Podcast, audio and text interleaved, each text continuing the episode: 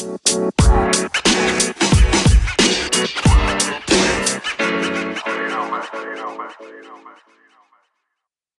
27 Pod'un sunduğu Oyun Planı Podcast'inin 151. bölümüne hoş geldiniz. Bugün de Can'la beraberiz. Can hoş geldin. Hoş bulduk. Nasılsın, iyi misin? İyi miyim senden uzun süre oldu. Evet ya uzun oldu. Playoff'lar başladı. Böyle bir havaya giremedik gibi. Play'ini böyle normalde biz playoff'tan önce e, yayın yapardık. E, ödül finalistlerini konuşurduk. Ama biraz sanki geçe kaldı gibi oldu biraz.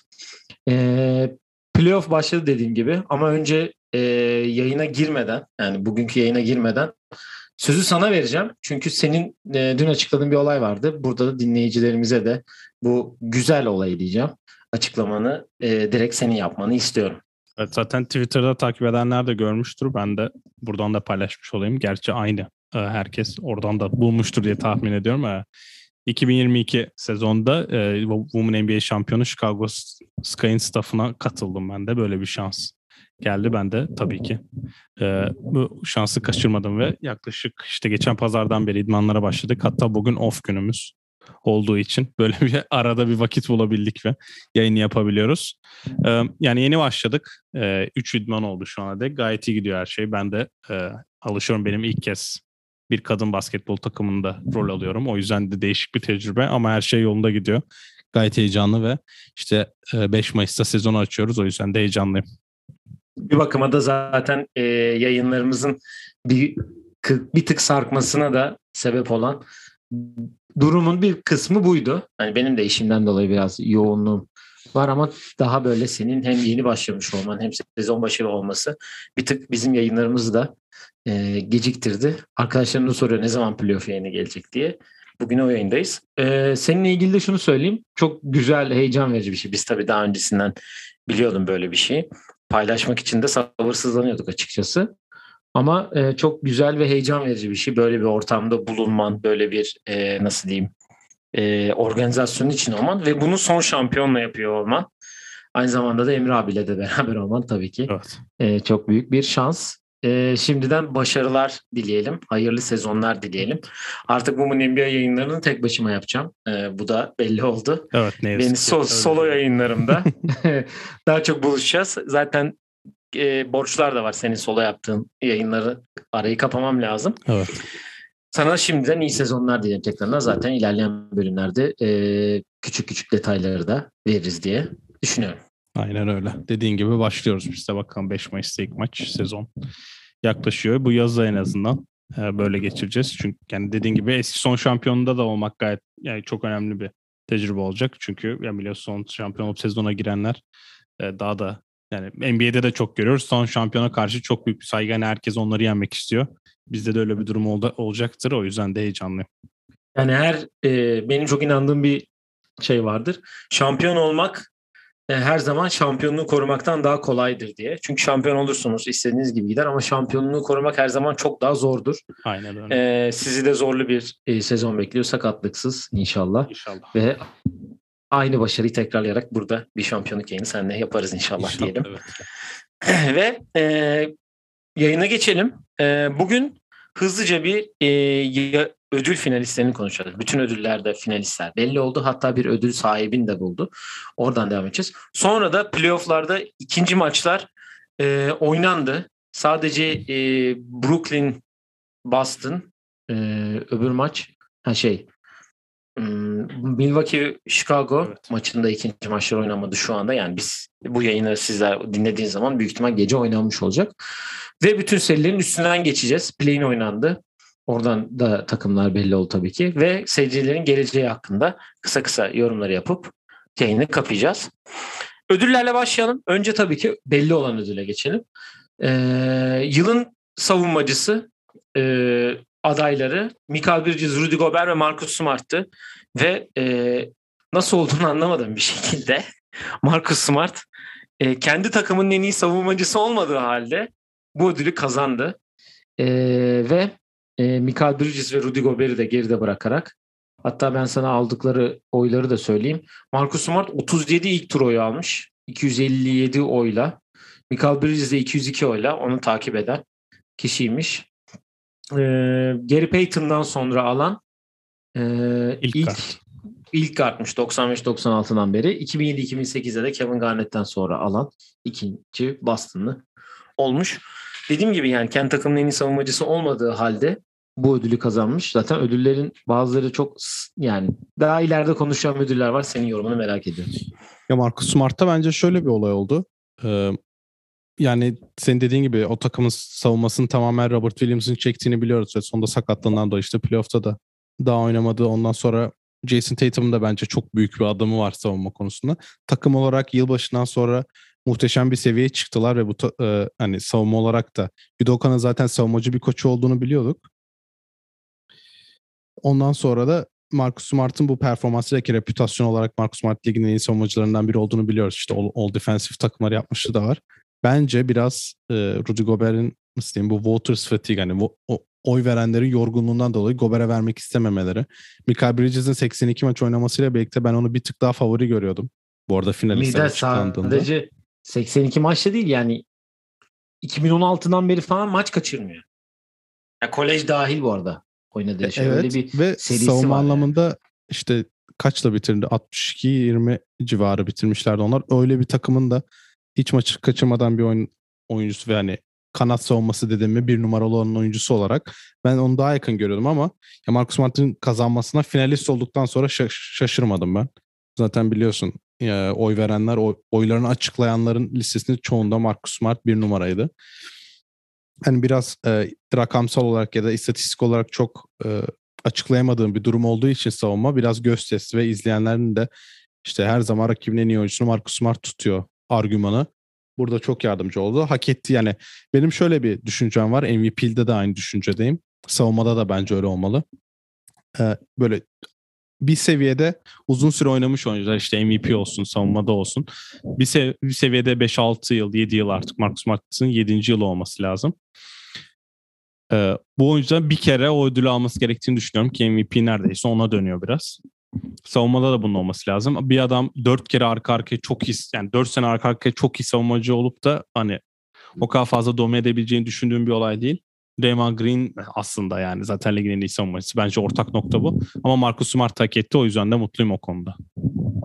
Ya ben Robert Williams en iyi savunmacısı olarak gözüküyordu aslında. Kendi takımının diyorum ama ya ana ana yani, parça o çünkü. Yani Robert Williams'ın üzerine yazılmış bir savunma planı var evet. Hı hı. Ya şöyle dediğin gibi Yudoka daha fazla savunma hoca e, koçu gibi zaten ilerleyen iler, ileride seri hakkında konuşurken de ilk maçın kısa bir şeyini konuşuyoruz. Orada da e, bahsederiz savunmada. E, bu savunmayı oturtma konusunda sıkıntı yaşadığı için ligin başında bir sıkıntı yaşadı Boston. Evet. Üstüne bunu oturttuktan sonra da zaten çok iyi bir seri geldi ki şu anda da seride bir sıfır önde de ilk maçı konuşacağız. Ama dediğim gibi yani enteresan bir de ödüller değişmiş ya. Yani ben bir ona şey oldum böyle bir küre vermiş hatta. Yani cam küre. All-Star ödülü küre. gibi bir şey evet değil mi? Enteresan ve cam küre vermişler. Hani o nasıl olacak bilmiyorum hani bunun. Bütün ödüller öyle olmuş Sezon galiba. ödülleri güzeldi ya. Ben niye değiştirdiler Yani sezon sonu veriliyordu zaten. Niye bir anda verildi? Sabah bir uyandık dedik ki aa verilmiş falan diye. Büyük ihtimal önümüzdeki günlerde da. Büyük ihtimal yarın da bir tane açıklanır. Hani her perşembe bir tane açıklanır. En sonunda MVP olur. Bugün evet. E, evet. En iyi 6. adım ödülüne geçelim. E, bu ödül de herhalde belli bence. Yani kimin olacağı. Tyler Hero, Cam, Cam Johnson ve Kevin Love e, finalistler. Neden Kevin Love finalist anlamış değilim. Çünkü hani genelde NBA 6. adam ödüllerinde üçüncüyü bulmakta çok zorlanır. Hep biz Jordan Clarkson'ı yazıyorduk geçen John sene. John Ollinger'ın propagandası tuttu. ee, geçen sene Jordan Clarkson açık ara almıştı. Bu sene de ben e, Kyle Lowry'nin gelmesiyle zaten daha önceki yayında bahsettim. Tyler Hero'yu e, önde görüyorum. Büyük ihtimal o alır gibime geliyor. Phoenix e, 6 ödülün 3'ünde adayı var. Birazdan koçlarla konuşacağız zaten. 6 ödülde 3 aday. Burada da Cam Johnson var. Yani Tyler Hero alır gibi duruyor. Peki ben sana bir şey sorayım. Ben yani Tyler Hero'nun kazanması gerektiğini düşünüyorum zaten de. Ee, sen bu ödülün bench'ten gelip en çok sayı atan oyuncuya her sene verilmesini doğru buluyor musun? Valla ben ödüller hakkında zaten yani hala bir, birazdan bir ödülle konuşacağım bunu zaten de bu ödüllerin bir belli şey olması gerekiyor artık. Açıklama olarak. Açıklama olarak belli bir. Şu ödül şu şu şu sebepten şunu şunu yapan insana bu yüz oyuncuya pardon veriliyordur diye bir böyle hani Rookie of the Year yılın en iyi çaylağına, en iyi performans gösteren çaylağına. Evet. Deniyor ya mesela ama takımı işte playoff yaptı mı? Hani takımın playoff yapmasındaki katkısı ne mesela? Hadi MVP en iyi en iyi oynayan oyuncu. Koç hadi en iyi koç. Ya, ya bunları açıklayamazsın aslında anladın mı? Şimdi Marcus bu standartları bir standardı olması gerekiyor. Aynen öyle. Standartlar olması lazım kesinlikle yani. Yoksa standart olmadığı sürece bu ödüller çok tartışılır.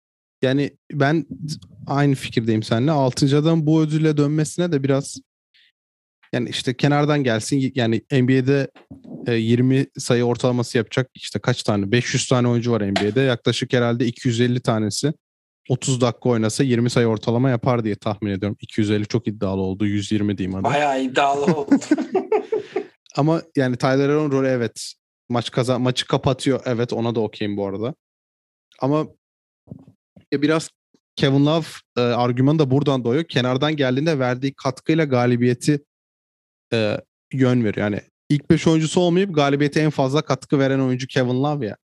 Tyler Hero bence bir yerden sonra zaten ilk 5 oyuncusu. Önünde Jimmy Butler olduğu için ikin yani bench'ten geliyor gibi. Ya da Kyle Lowry ya da neyse. Ama şöyle bir durum var. Ee, Miami bir de şimdi tepede bitirdi Doğu'yu. Ya hak ediyor zaten. Tyler Hero kazanacak evet. tabii. Yani Tyler Hero biraz yani kenardan gelip ilk 5 oyuncusu olan oyuncular da vardır ya anladın sen benim demek istediğim rol olarak ve verilen sorumluluk anlamında. Yani atıyorum PJ Tucker mı daha fazla rolü var Miami kadrosunda Tyler Heron'un mu? Tyler Heron'un daha e, fazla. E, tamam ama Tyler, Tyler Hero bench'ten geliyor diye ödülü alıyor anladın mı?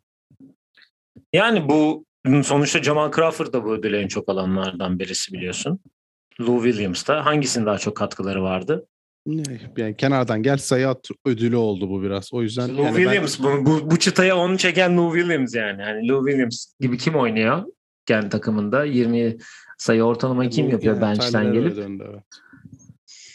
Yani Cam Johnson da sonuçta ligi tepede bitiren takımın şeyi ama orada e, hem Michael Bridges hem Cam Johnson'a biraz Monty Williams'tan dolayı yazık olacak. Ee, Cam istersen... Johnson'ın mesela rolü daha farklı.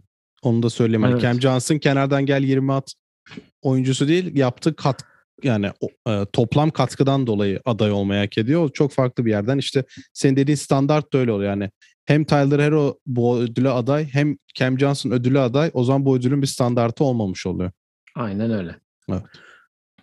Ee, nasıl yapalım? Hangi sıraya devam Koça edelim? geçelim zaten. Koça o. geçelim. Yani e, Taylor Jenkins, Eric Spoelstra ve Monty Williams. Taylor Jenkins harika bir e, sezon geçirdi Memphis'te. Doğu Batı'yı ikinci sırada bitirdiler.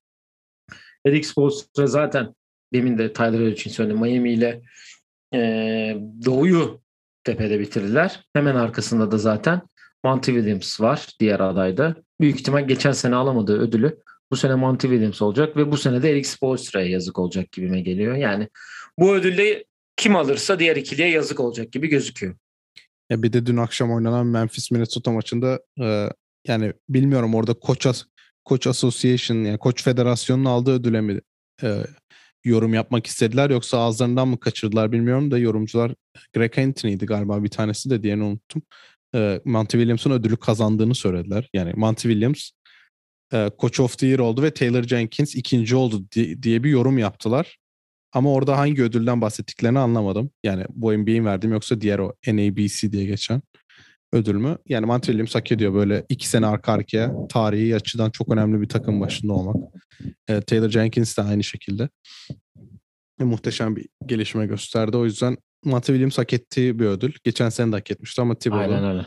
Yani arka arkaya beklentisi az olan takım mı alıp playoff'a sokma ödülünü Monty Williams yani kaybetse üzülürdüm ben onu söyleyeyim. Evet. Ee, yılın çaylağına gelelim. E, çünkü en çok gelişime göstereni sona doğru bırakacağım. Çünkü orada konuşacak şeyim var benim. Evet, evet. Argümanlarım var. Ee, Çaylak'ta Scottie Barnes, Kate Cunningham ve Mobley arasında bir... Kazanan e, belli gibi. Ya, Mobley alacak herhalde. O ben Barnes'ı çok gördüm. Oy veren herkes Barnes'ı bire yazmış. Çünkü ya aynı bu... aynı argümanla Barnes'ı daha yukarı yazmışlar. E, ikisi de şimdi şöyle bir durum var. Kate sezona geç başladı. First round, yani first pick. E, Detroit'in durumu ortada. Hani ben üçüncü olarak görüyorum hatta burada. Eğer ki muazzam bir propaganda yani şey olmayacağı sürece. Cade alamaz gibi duruyor. Barnes'la Evan Mobley 51'e 49 Evan Mobley benim için de yani. Sonuçta ikisi de playoff yani pardon Scottie Barnes'la Toronto playoff yaptı da Evan Mobley ile Cleveland play'inde eğlendiler. Ya Evan Mobley daha böyle ses getirdi gibi sanki ya bence. Peki Kate Cunningham'in takımında iki tane All-Star olsa play'ine mi girerdi? Playoff yapardı. Evet. Ben o yüzden Evan Mobley'i hiç aday görmüyorum. Bence Barnes'ın kazanmasını okeyim. Çünkü Barnes'a da bir tane All-Star vardı ki. Ya Barnes'ın takımında bir tane All-Star vardı. Diğeri de büyük ihtimalle All-NBA 3. takımın forveti olacak Siakam. Ama Barnes onlardan önce takımı sırtladı. o yüzden de ya Cade'in takımı kötü diye Cade şu an ödülü alamayacak büyük ihtimalle. O da dediğimiz gibi ödül standartlarına giriyor. Evet. Bakalım göreceğiz. MVP mi Most Improved mu? Most Improved'da konuşacak daha çok şey var. MVP ben o üçlüden kim alırsa şaşırmam. Hepsi hak ediyor. Yani çok argümana girmek istemiyorum çünkü Twitter e, e, Joel Embiid'in özel antrenörün yüzünden çok pis bir hal aldı bu ödül tartışmasında. Yani ya Üçünden yani biri Embiid alsa ve yok hak ediyor. Evet. Yani Embiid ve geçen senenin kazanı yok hiç aday son üçte. Yani Yannis zaten her zamanki Yannis diye o gibi oynadı yani hani çok fazla ekstra bir şey yapmadı. Ee, Joel Embiid sezonun ilk yarısında çok iyi performans sergiledi. Sezonun ikinci yarısında yok hiç aynı performans sergiledi. Zaten bu yok için şimdi seride de konuşacağız da çektikleri neler. Hani bir MVP de alır mı? Back to back olur mu? Bilmiyorum ama burada bence Embiid'e gider. Çünkü dediğin gibi Embiid artık daha ne kadar aday olacak? Yani burada konuşulup konuşulup daha ne kadar al, alamayacak gibi olacak. Bence Embiid alır gibi gözüküyor diye düşünüyorum yani Philadelphia'nın yerinden dolayı biraz da. Evet. Ve gelelim şu altı ödülün en fazla tartışılan üçlüsüne. Şimdi yılın en çok gelişime gösteren oyuncusu e, önce adayları söylüyorum. Darius Garland, Dejounte Murray ve Ja Morant. E, bu üçlü geçen sene, şimdi bu üçü de All-Star oldular bu sene. Hak ederek oldular. Üçünü de tebrik edelim. E, bence Şimdi bu ödülün en büyük standarda olması gereken ödül. Çünkü burada Jordan Poole'un olmaması kadar e, nasıl diyeyim haksızlık saçma, saçma haksızlık olarak bir durum ben uzun zamandır NBA'de görmedim. Ödül kısmında özellikle. Çünkü 3 e, sene önce ya da 2 sene önce yılın çaylağı seçilmiş bir oyuncunun çok özür dilerim ama bu ödülde şu an işi yok. Aynen öyle. Ben de yüzde yüz yüzde yüz katılıyorum. Yani adam zaten yılın çaylağı olmuş. Nasıl yani yani birinci sene yılın çaylağı olmuş. Bu üçüncü senesi gelişme gösterecek. O zaman ikinci sene sahaya çıkmaması falan gerekiyor. Yani MVP MVP olması gerekiyor zaten. Ya MVP Ve adayı second pick yani. Gerekiyor. Öyle de bir durum var. Second pick hani bu adam birinci sıradan değil ki. Geçen Daha sene G League oynayan adam bu sene e, Steph Curry'i bench'ten getirme lüksüne sahip yapıyor bir takımı ama gelişme göstermemiş oluyor. Yani çok acayip bir şey. Tamam Memphis iyi bir sezon geçirmiş. Taylor Jenkins'i zaten ödüllendirmişsiniz. Belli ki Ja Morant'i de All-NBA takımlarından birinde ödüllendireceksiniz yani. Hani orada olacak belki ama hani buraya Luka Doncic'i falan yazdıkları zaman da biz seninle bunu konuşmuştuk zaten. Biliyorsun hani en çok gelişime gösteren ne işi var bilmem ne falan diye. Hani Darius Garland'i anlarım. Dejante Murray'i bile hani biraz da şey yaparsın. Hadi dersin ki okey. Zaten Garland adaylardan biriydi. Yani burada Jordan Poole olsa ve ödülü alamasa hani Jamorant yerine dersin ki abi ödülleri All-Star olmuştu. Biri aldı okey diye belki geçiştirebilirsin. Ama bu ödülün bence eğer ki bu en çok gülüş, gülüştürme, geliştirme gösteren oyuncu ise burada 28. sıradan seçilmiş. Senin dediğin gibi geçen sene G League oynamış bir ve bu sene ilk çıktığı playoff serisinde iki maçında toplam 59 sayı atan bir oyuncu yoksa ve bütün senede takımın en fazla sayı atan oyuncularından birisiydi. Bu ödülde bu haksızlık olur yani. yani daha çok fazla şey söylerim ama şu an aday olmaması bence inanılmaz bir olay. Hani kazanmasını geçtim kazanması lazım. Aday olmaması, ilk üçe girmemesi inanılmaz bir olay. Yani Garland tak ediyor. Mesela Garland'in gelişimi daha göze çarpan bir gelişim. Mesela Memphis'te bile Desmond Bain gelişimi daha şey göze çarpan Mesela ve daha önemli bir gelişim. Çünkü gittim gerideki yayınlarımıza. Hani baktım ödül konuştuğumuz yerinde. Ben MPC'ye vermiştim sene başı direkt. Desmond Bain demişim ben de mesela. Desmond Bain'in ikinci senesi. Hadi zaten çaylak sezondan sonra gelişmek zorundasın da adam 19 sayıdan ay pardon 9 sayıdan 18 sayıya çıktı. Hani direkt rakam olarak baktığında rolü arttı. Ama Ya mesela Camorant'in. Camorant'in rakam artımı, artışı direkt e, nasıl diyeyim e, hani lineer bir olay. Zaten olması gereken. Çünkü hani daha fazla şut atmış, daha fazla sayı atmışa dönmüş Camorant ki e, Desmond Bain'in de bir tık öyle. Gerçi yüzdeleri daha iyiydi. Yani inanılmaz bir olay. Ben ayıp e, Jordan Poole ayıp edilmiş. Yani bu gerçi önümüzdeki sene e, bu yaz belki extension alacak ki bence bu Golden State'in parası yok. Ama sonraki seneki kontratı için de e, biraz daha hırslandırır diyelim ki daha ne olsun yani. Jordan Poole geçen sene 51 maçın 7'sine başlamış ve 12 sayı ortalama yapmış. Bu sene 76 maçın 51'ine başlamış. 18,5 sayı ortalaman %92 1.5'te de ligin en en iyi foul sokan oyuncusu. Ve geçen sene 1.9 asist yaparken bu sene 4 asist ortalama yapmış. Maç başına üçlüğünü 7 attempt'te 8 2'ye çıkarmış. 3 hatta. %44 noktayla 8 ile atıyor. Yani çok yani 19 dakikadan 30 dakikaya çıkmış bir kere. 22 yaşında bu arada inanılmaz bir durum var burada. Onu da söyleyeyim. efsanesi diyelim ya. Aynen. Wisconsin'den. Jordan Anthony bu Michigan. Milwaukee Wisconsin hem de. Evet, evet Milwaukee'li. Artık oncuyuz. Yani böyle bize evlat yaratmışlardı zaten. Bundan daha önce de bahsetmiştim. Büyük evlat oldu. Diyelim. Ve ödülleri de böyle bitirmiş olalım. Ben bu ödülle kazananı yani Camonat'a verecekseniz yazıklar olsun diyeceğim yani. Ama herhalde Garland alır gibi geliyor yani. Bilmiyorum sanki. Burada hani Mobley almazsa Garland Bence. Camorant'e vereceklerdi. Yazıklar olsun derim. Yazıklar olsun tweetini hazırlıyorum. Evet var mı eklemek istediğin ödülleri herhangi bir şey? Yok. All NBA takımlarında ileride konuşuruz zaten. Evet playoff'la başlayalım. Playoff'a geçelim daha doğrusu ve eee, öncelikle bu akşam oynanacak iki maça dönelim. Eee, bu akşam daha doğrusu üç maç oynanacak da ikinci maçları oynanacak. Boston Brooklyn'e eee, başlayalım istersen ki çok zevkli bir maç oldu ilk maç. Boston içeride Garden'da Brooklyn'i geçti ve bir seride 1-0 öne geçti. Bu akşam yine ikinci maç oynanacak.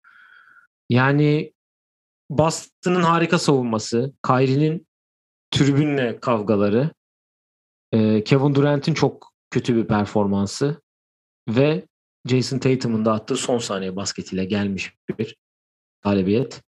Boston acaba burayı geçebilir mi diye sana bir söz vereyim.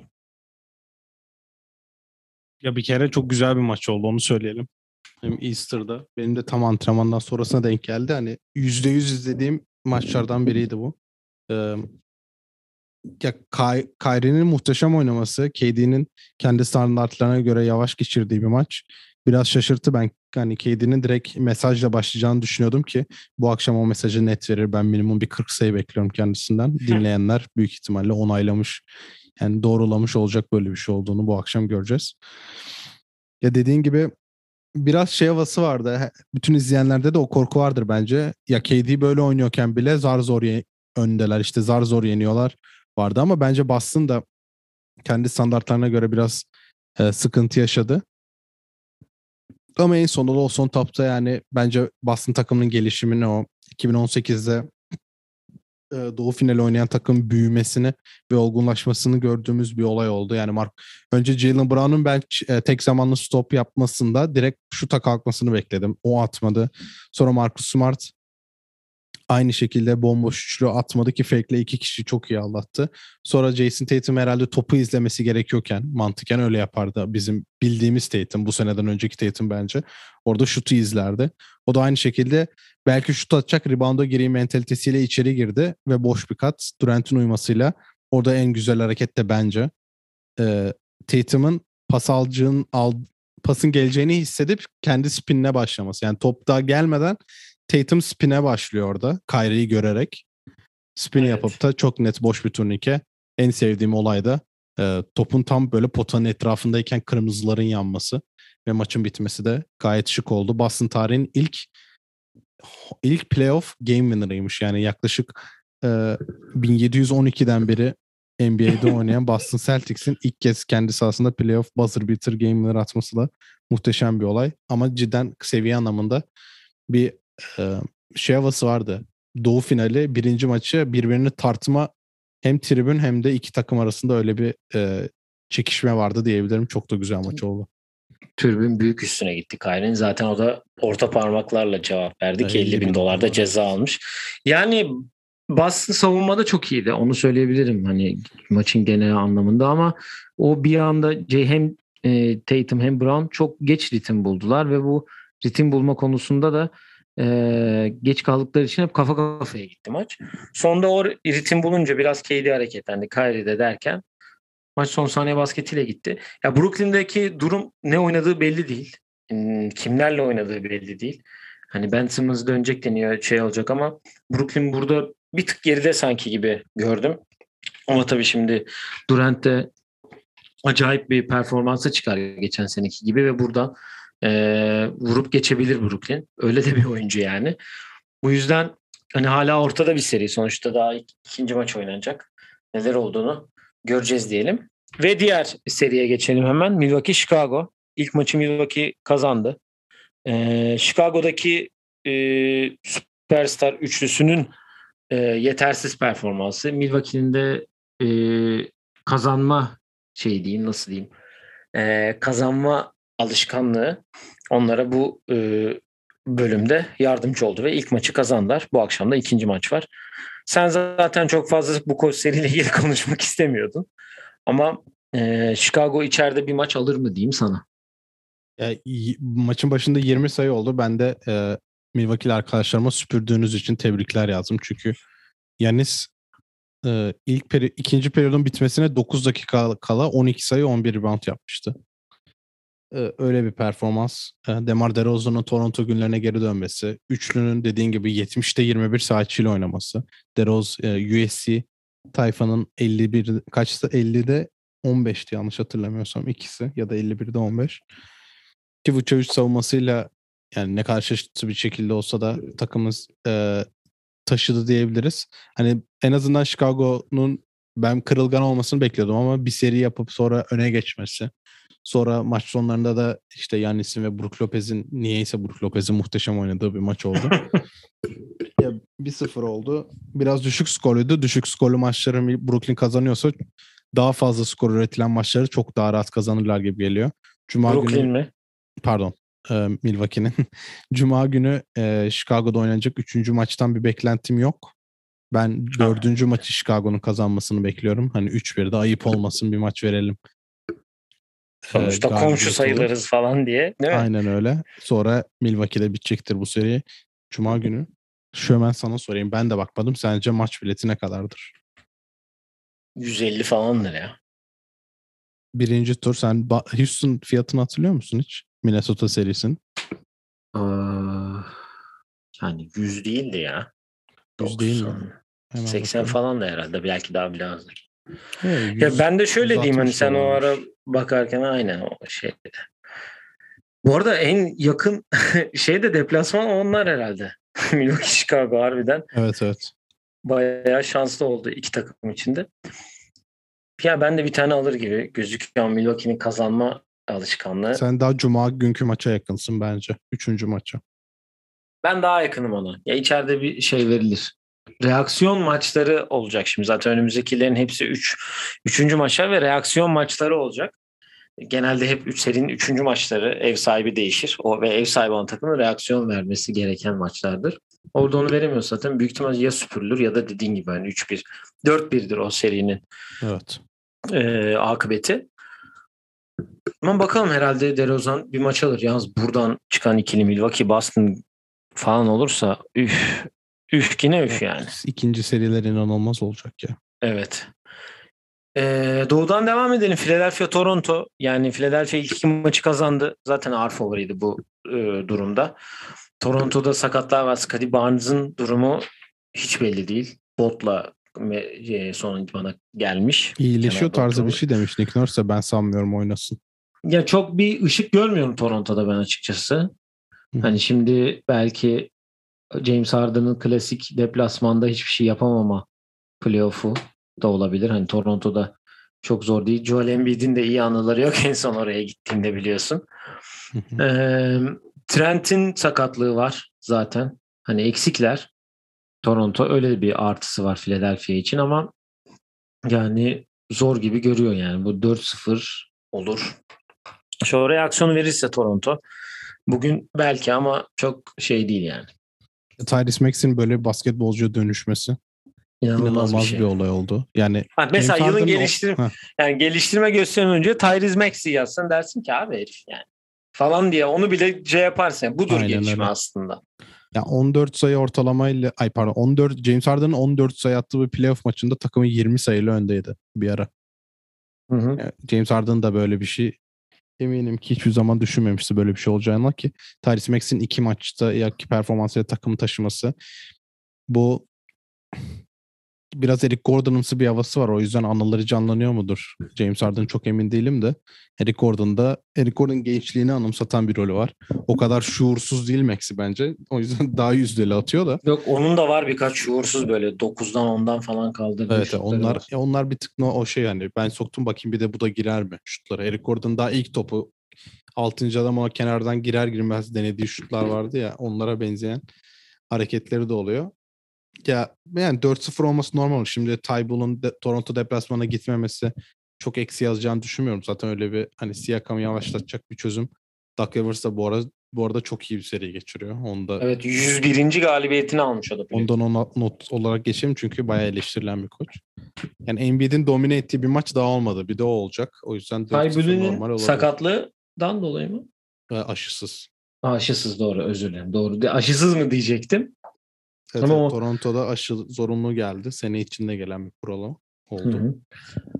Bakalım nasıl bir Aynen seri ol, maç olacak bu akşam. Ve Batı'nın son, ay Doğu'nun son eşleşmesine geldim. Miami Atlanta. Yani herhalde 4-0 en çok 4-0 kokan seri bu. Miami çünkü Atlanta'ya hiç şans vermiyor.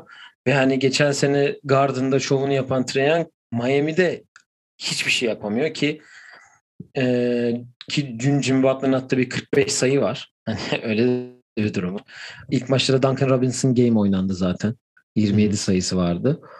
Yani genel olarak playoff'ta playoff'larda 8 e, net oyuncuyla oynayan takımlar her zaman çok daha başarılı oluyor. Baktığın zaman NBA tarihindeki şampiyonlara hani 8 tane katkıyı veren oyuncu yani size zaten takımlar genelde 8-9 oyuncuyla oynar ama bu 8-9 yani 7 8'in 7. 8. ve 9'uncular böyle 5 dakika 6 dakika falan süre alır. Miami bunu en iyi dağıtan takımlardan biri Doğu, Doğu'da bence. Milwaukee ile beraber. Bu yüzden ağır basıyorlar. Miami seyircisi de inanılmazdı bu arada. Hani maçı şeylerine bakarken Trae hani ya geçen seneki hani Garden'da bunu yaptı. Miami'de de yapar herhalde. I-ı, yaptırmıyorlar. Evet evet. İzin vermiyor. Spoelstra ve Jimmy Butler izin vermiyor buna yani. Ve Jimmy Butler dünkü performansıyla biraz da hani o Brentford şakalarına iyi cevap verdin diyebiliriz. Evet. Neyse evet. geçen seneden daha fazla atmış oldu bu, bu seride. Aynen öyle. Ya dediğin gibi 4-0 artık son çözüm olarak Trae şey dedi bilmiyorum gördün mü? Bu düdükler çalınmayacaksa biz basketbol oynamayalım tarzı bir yorum yaptı. Herhalde son kurşun doydu diye tahmin ediyorum bundan Ki sonra. Capella da sakat orada. Aynen. Yani Bogdanovic'in taşıması taşımaya çalıştığı yerde anca bu kadar oluyor. Çünkü hani top Trae Young'ın illa bir oynaması, iyi oynaması gerekecek eğer Atlanta kazanmak istiyorsa. Evet. E, bu arada Atlanta'da buraya nasıl geldi? Hani onu hiç söylemedik. E, ilk maçta zaten Charlotte'ı yenmişlerdi. İkinci maçta Cleveland'ı eleyip geldiler. Payne'i konuşmadık. Brooklyn'de zaten Cleveland'ı yenerek hemen Boston rakibi olmuştu. Evet, e, Batı'da da alttan başlayalım istersen. Memphis, Minnesota ile başlayalım. Minnesota önce e, Minnesota buraya nasıl geldi? Clippers'ı yendiler ve şampiyon olmuş gibi sevindiler biliyorsun. Hani öyle bir durum oldu. Evet. Ve gelip de aynı gazla bence, ben ona aynı gazla diyeceğim. Memphis'te ilk maçı kazandılar ve ev sahibi avantajını ele geçirdiler. Memphis'e bir ben şey diyorum ya burası için hani hem Minnesota'nın bir gaz alıp gelmesi. Tabii ki Anthony Edwards'ın inanılmaz performansı var. Ya çok başka bir oyuncu oldu. Anthony Edwards bu sene öyle. Geçen sene zaten sezon sonuna doğru açılmıştı ama bu sene çok farklı bir yere geldiğini düşünüyorum ben. Ee, başta çok eleştirmişti çünkü. Yani ne işi var burada diye. Biz ben kendim bile hani iyi beğenmediğim bir oyuncuydu aslında ama şimdi çok farklı bir yere yükseldiğini düşünüyorum. Hem ilk maçta onun performansı Minnesota gazı hem de Memphis'in abi playoff'tayız ya hem de ikinci olarak geldik falan hani acaba mı falan gibi böyle bir heyecanla e, ilk maçı Minnesota kazanmıştı ama dün akşam Memphis cevap verdi ve seri 1-1'e geldi ve 1-1 Minnesota'ya gidiyorlar. Ben direkt şunu soracağım. Minnesota'nın benzini yetecek mi? Yetmeyecek gibi duruyor. Bir de e, ben de sana hemen şunu sorayım. Ondan sonra yoruma geçeceğim. Steven Adams'ın ilk maç çok oynayıp inanılmaz eksi yazıp dün sadece 3 dakika oynaması biraz içini acıttı mı, üzüldüm mü? Ya Russell Westbrook olmayınca yanında ben o katkı şeyi yok. o Russell Westbrook'suz Steven Adams sana çok şey yapmıyor diyorsun. Yok ya beni aşağı Ya ilk maçta yani. öyle bir olay oldu. Sağdan direkt sildiler Steven Adams'ın olduğu anlarda ki Ja Morant'in savunma konsantrasyonu çok düşüktü bence. O yüzden o da çok eksi yazdı ne kadar fazla çizgiye gelse bile.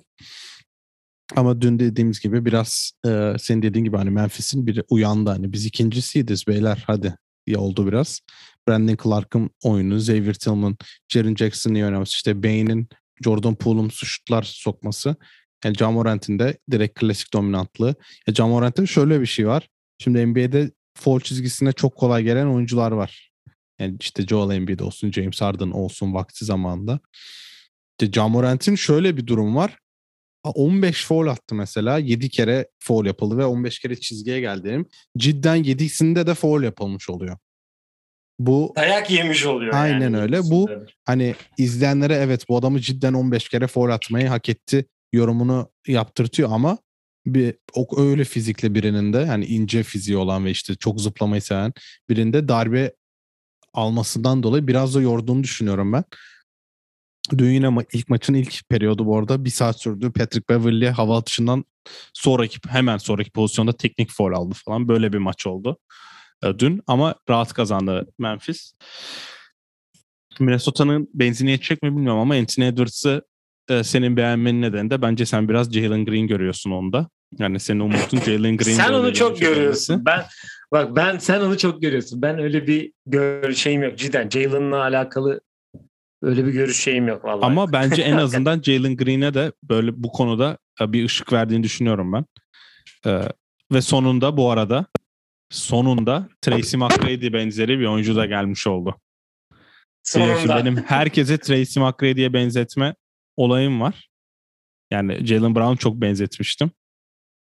Ama Wade de Wade de çok andırıyor ya şey Edwards. Wade'in o Wade yıllarına yani. Birkaç yerde çok gördüm şeylerini de onun için. Tracy McGrady çok ikilik atıyordu ama üçlük atmasıyla şimdi Anthony Edwards biraz o araya geçti. Bakalım. Ama yüzden Memphis burayı geçer gibi görüyor. bana da öyle geliyor biraz. 4-1 çok iddialı olur ama yani İddialı 7. maça olur. giderse şaşırmam ya. 6 olur ya. Biz Çok zaten- güzel bir eşleşme. Ja ve e, biz zaten istemiştik hem Ja hem de Ant'in karşılaşmasını birbiriyle. 6 olsun ya. Hani 7 artık şey olur. Birine eksi yazar ama 6 tam kıvamında olur bence. Evet evet. Hani 7. maçı kaldıramadı falan gibi. Hani o 6. biraz maç bir de yazar. Minnesota'da seriyi geçmiş olurlar. Ja Morant yemin ediyorum orada bir tribün show da yapar. Bu ara hem e, Edwards'ın hem de yok. Edwards'ın hem de Ja'nın babası dün beraber röportaj falan vermişler. Evet Edwards'ın mı. Cat'in mi ya o? Edwards galiba. E, Ja'nın biri de öbürü hangisini hatırlayamadım şu an. Evet. Evet diğer seriye gelelim. Golden State Denver. Cat'le Ja Morant'in babası. Cat de Morant'ın babası. Okey. E, Golden State Denver. Yani Golden State işte bu 8 oyuncuyu bulmaya çalışıyor ki Jordan Poole'un da inanılmaz performansı. Steph'in bench'ten gelmesi sakatlığından dolayı. Bench'ten gelip 17 sayı atmış mesela geçen gün. E, performansı biraz olsun Golden State vitesi arttırdı.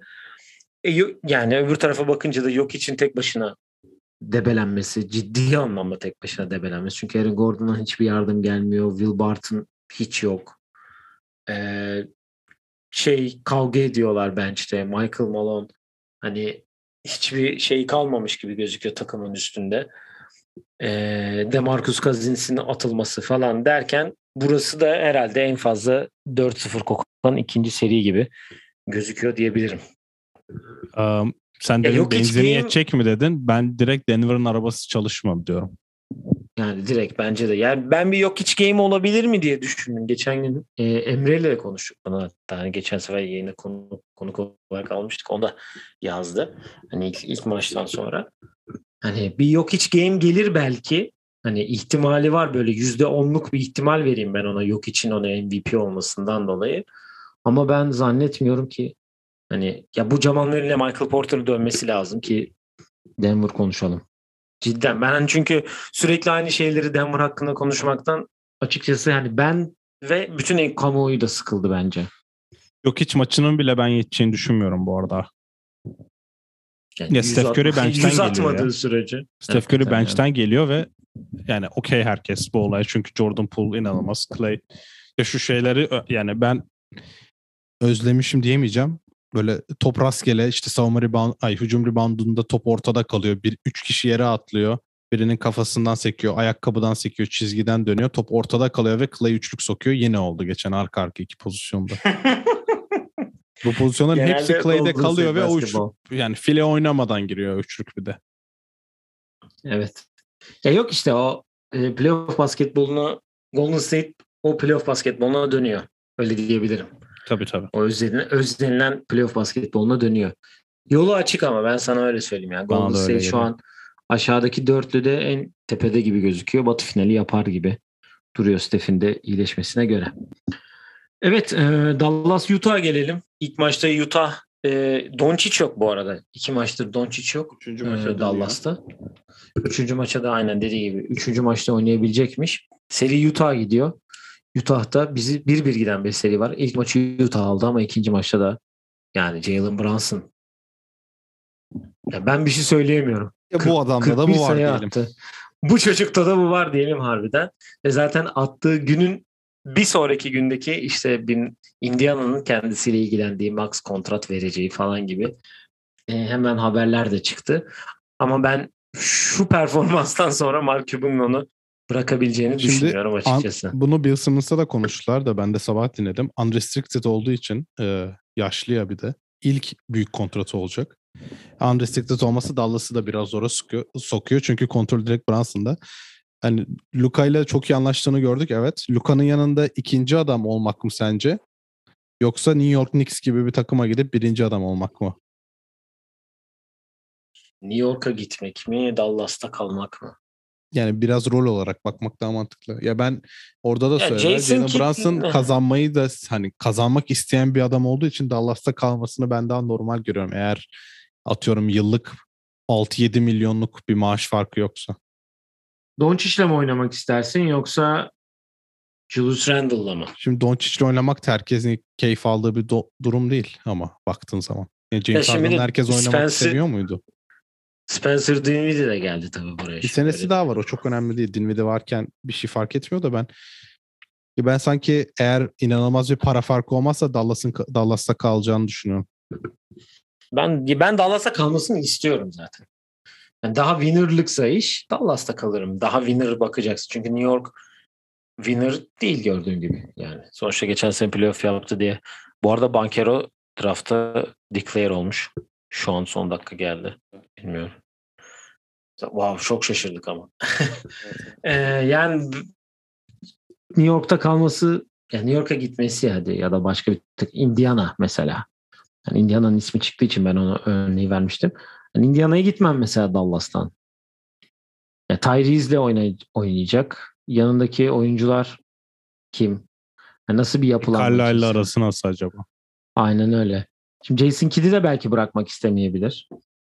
Ben yani Luka kalsın diyorsa bence verip kaldırırlar. Böyle bir uyum yakalamışlar. Şimdi Luka'nın yanına dediğim gibi Harden'ın yanına herkesin olmadığını gördük. Luka'nın yanına da herkes olmayacak. Ve kalsın diyor ve ikisi de mutluysa bence tutmak çok mantıklı olur. Peki Harden'ın yanına mesela Chris Paul oldu mu? Bence olmuştu. Kişisel olarak olmadı. Oyun olarak oldu da sonunda kişi uyuşumu da önemli. Tabii ya o da ayrı bir konu. Peki bu seri için ne diyorsun? Yani Utah ya biraz Gober'e çok yükleniliyor 5 dışarıda oynatıldığı için 1-1 olan seri dediğin gibi. A- Ama topu savunmuyor ki kimse. Ya Mike Conley'de li- yani Mike Conley hem yaşı var hem de her seferinde de Brunson karşısına kalacak diye bir durum yok. Donovan Mitchell hiçbir soru, e, savunma sorumluluğu almıyor.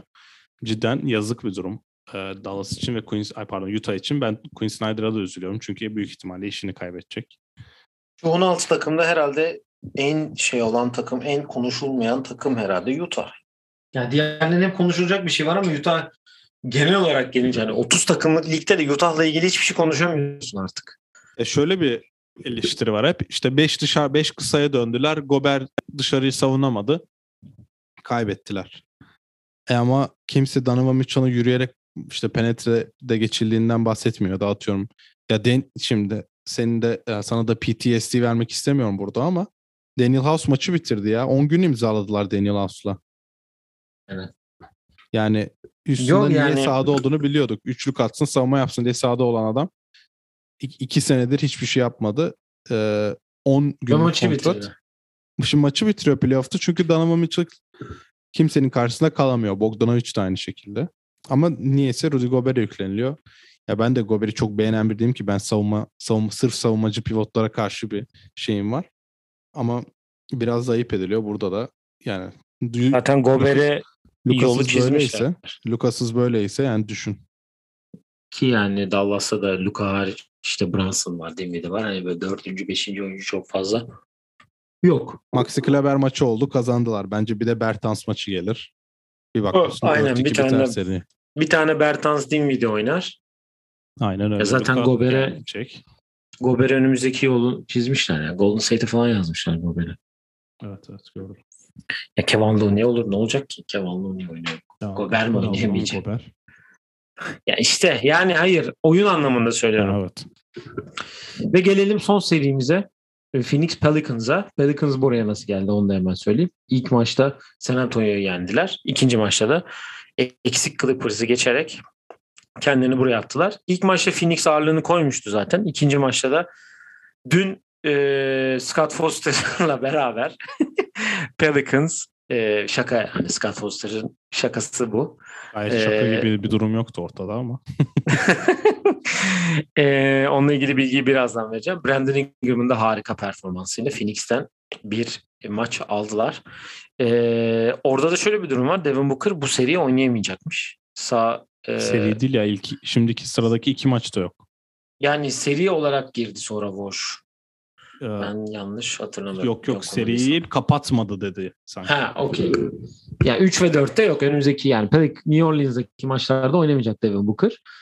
Ee, ve bu da aslında Phoenix için bir yani bir de şey yazmış hani de, Evren Chris Paul'un playoff'ta başarısız olmasını o kadar çok istiyor ki her şeyi yapıyor diye. Ee, dün de maçın hakemi Scott Foster'dı. E, playoff'larda da en çok maç kaybetme rekoru Detroit'teymiş şu an. 14 maçtır kaybediyormuş. İkinci de Chris Paul'muş. Scott Foster'ın yönettiği son 14 playoff maçının hepsini kaybetmiş. Ya Ben sana da dün bir tweet atmıştım şeyde. Ee, Chris Paul önceki hayatında ne yaptıysa basketbol tanrıları adamı asla sevmiyor diye. Yani 31 sayı atmış adam bir devrede sakatlandı ve şimdi önümüzdeki iki maçta yok. Bir de şöyle yani şunu düşündüm ben bu haber geldiğinde. Bu takım Chris Paul'suz oynamaya alışık. Devin Booker'sız değil. Devin Booker'sız maça çıkmadılar neredeyse. Bakayım şimdi bu sene 82 Covid oldu bu sene. Evet. Ee, hemen bakıyorum şimdi. Yani o Chris Paul'suz durumda oynadı. Bu sene 68 maç oynamış. 14 maç orada hani dinlendi dinlendi baktığında ama rol olarak Devin Booker Chris Paul'suz oynamaya alıştı ve asist inanılmaz asist yapmıştı mesela. Ee, nereden baksan çok büyük bir eksi. Şimdi Cam Johnson büyük ihtimalle. Ben şey olacağını zannediyorum. Manti'den şöyle beklentim var bu hani Cam Johnson'ın rolü değişmesin diye başka birini başlatıp sonra Cam Johnson hemen daha erken oyuna girmesi. Hani böyle şeyler oluyor ya. Hani Aha. kenardan gelen adam bozmayalım diye. Ama Phoenix'in durumu biraz da şöyle bir soru işareti var bende. Bilmiyorum sen çok detaylı izleyebildin maçı. Tam çok kötü bir saate denk geliyor. Bu akşam maçlarını ben de çok sevmiyorum. Ne Türkiye'de güzel bir saat ne de Amerika'da özellikle ben tam ortada olduğum için hani geceye denk geliyor. Bir de bizim mesai. Pasifik saati. Aynen mesai de sabah. Ee, Chris Paul'a çok atak ettiler. Yani hem transition'da topu çok it, yani çok ittiler, çok tempo yapmak istedi Pelicans üstüne. Birebirlerde çok Chris Paul'a atak ettiler. Orada da yordular Chris Paul'u. Ve ben e, bir yere baktığımda 4 sayı gerideydi Phoenix. Yani tamam buradan gelir maçı kazanır diye düşündüm. Sonra sabah uyanıp telefonuma baktığımda Larry Nance'in soyunma odası e, sevincini gördüm. İşte herkese çak yapıyor. Çok iyi galibiyet diye. Sonra da baktığımda Brandon Ingram'ın performansı, Herb Jones'un savunmada her şeyi okuması gibi çaylak için inanılmaz bir performans. Evet 41 yani, dakika süre almış dün bu arada Herb Jones. Ya Pelicans e, bu kırsız burada 2'de 2 yaparsa çok şaşırmayayım şaşırmam ama 2-2 5. maç Phoenix'e döndük. Muhteşem seri olur. Sonraki 3 maç cidden çok iyi olur. Yani şöyle diyeyim sana e, Phoenix'le alakalı şu an bakıyorum. Hani o maçta 9 kişi 10 kişi oynamış. Tory Greg 8 dakika oynamış. Bu arada büyük ihtimal Şamet ilk 5 başlar. Hani o dediğin işi Şamet'le evet, yapabilir. O işi, evet. O zaman da çok ee, kısa kalıyorlar. CJ McCollum'a Şamet kalıyor. Ee, ya demin dediğim bu 8-9 kişiyi bulma konusundan ben Phoenix'i biraz daha e, tabii ki galibiyet e, ya playoff maçı kazanma geçen seneki alışkanlığından dolayı Phoenix'i hala ben hani bu kuru olmasa bile önde görüyorum. Harbi 25 dakikada 31 sayı atmış bu arada. Evet evet. Ee, ama öbür tarafta da CJ McCollum hamlesi Pelicans'ın bu sezonunu tamamen değiştirdi. Ki bence sadece bu sezon değil bütün çehreyi değiştirdi. Pelicans'ın geleceğini de bu burada değiştirdi. Dediğim gibi Herb Jones'un katkısı dün CJ 23-8-9 yapmış mesela. Bunu yaptığı zaman Portland maç kazanıyordu zaten. Yani Dame de yanında yapıyordu bir şey. Brandon Ingram'ın neredeyse triple double performansı. Biraz sile kaçırmış. Ya kaybedecek bir şey yok Pelicans'ın. Hani bakınca. Jose Alvarado 17 dakika oynuyor yani. Chris Paul eliyle yemezler yaptı gördün mü? evet. 3'te 3 atmış. Bu arada o da. Evet evet. Yani ben, dediğin gibi iki, iki CJ, dönerlerse. CJ için dediğine katılıyorum. CJ sonuçta işte 7. E, maç oynayıp takımını batı batı finaline çıkarmış bir performans var o 7. maç hatırla Dame'in e, kasık yok kasık değil. Karın kası sakatlığı geçirmişti yanlış hatırlamıyorsam Denver serisinde. Sonra CJ orta mesafe üstü bir de muhteşem bir blokla evet. e, takımı Doğu Batı finaline taşımış. 4-0 biten Batı finali ama yani orayı oynamayı bilen artı Ingram'ın ilk playoff'u böyle bir rol alması. İşte Nance. O kadronun tamamen iyi oynaması. Valanciunas da dahil. Biraz sıkıntı yaşatacaklar. Şimdi e, Phoenix'in başka yerlerden skor bulması gerekecek. Bakalım orada rolü kim alacak? Ben Michael Bridges ve Cam Johnson'a çok rol düşüyor burada. İnanılmaz bir Mikael, sorumluluk artışı oldu. Ben de Michael Bridges bekliyorum biraz. Evet. Bakalım nasıl olacak göreceğiz. Ee, serileri bitirdik. Sana tek bir sorum var. Sence NBA TV serisi hangisi? Geçen bölüm sormuştun ya hangisi olur Memphis, diye. Memphis'i dün NBA TV'ye koydular. Yok genel sence hani Memphis'in yani Dallas Utah ya ki zaten bugün Dallas Utah NBA TV'de. Ben kesin söyleyeyim bak. Cuma günü Milwaukee Chicago burada. Ben Milwaukee Chicago dördüncü maç NBA TV diyecektim. ABC'ymiş. Toronto Philadelphia NBA TV olmuş bak. Evet. ESPN Chicago'yu büyük var. market diye atmadılar diye tahmin ediyorum. Büyük ihtimal. Evet. Evet biz önümüzdeki yayının büyük ihtimal dördüncü maçlardan sonra yapacağız. O da pazara denk geliyor galiba. Pazar akşamı olması lazım. Demin baktım. Ya da haftanın başında tekrar sizlerle beraber olacağız. Var mı eklemek istediğin herhangi bir şey? Yok zaten pazar günü birlikteyiz. Evet pazar günü birlikteyiz tekrar. Ödüllerimiz dağıtılacak. Ya yani dağıtılacak dedim. Arada onlar da çıkar. Bir All NBA yaparız gibi Hı-hı. gözüküyor. Tempoya göre biz de tekrar sizlerle beraber olacağız. Sana tekrar en başında dediğimiz gibi iyi sezonlar diyelim. Hayırlı olsun diyelim tekrar. Teşekkür ederim. Bakalım başlıyoruz evet. Ee, güzel haberli, güzel bir sezon dileyelim tekrardan. Bizi dinlediğiniz için teşekkür ederiz. Sosyal medya hesaplarımızdan bizleri takip ederek sorularınız varsa yollayabilirsiniz diyelim. Bir sonraki yayında görüşmek üzere. Kendinize iyi bakın. Hoşçakalın. Hoşçakalın.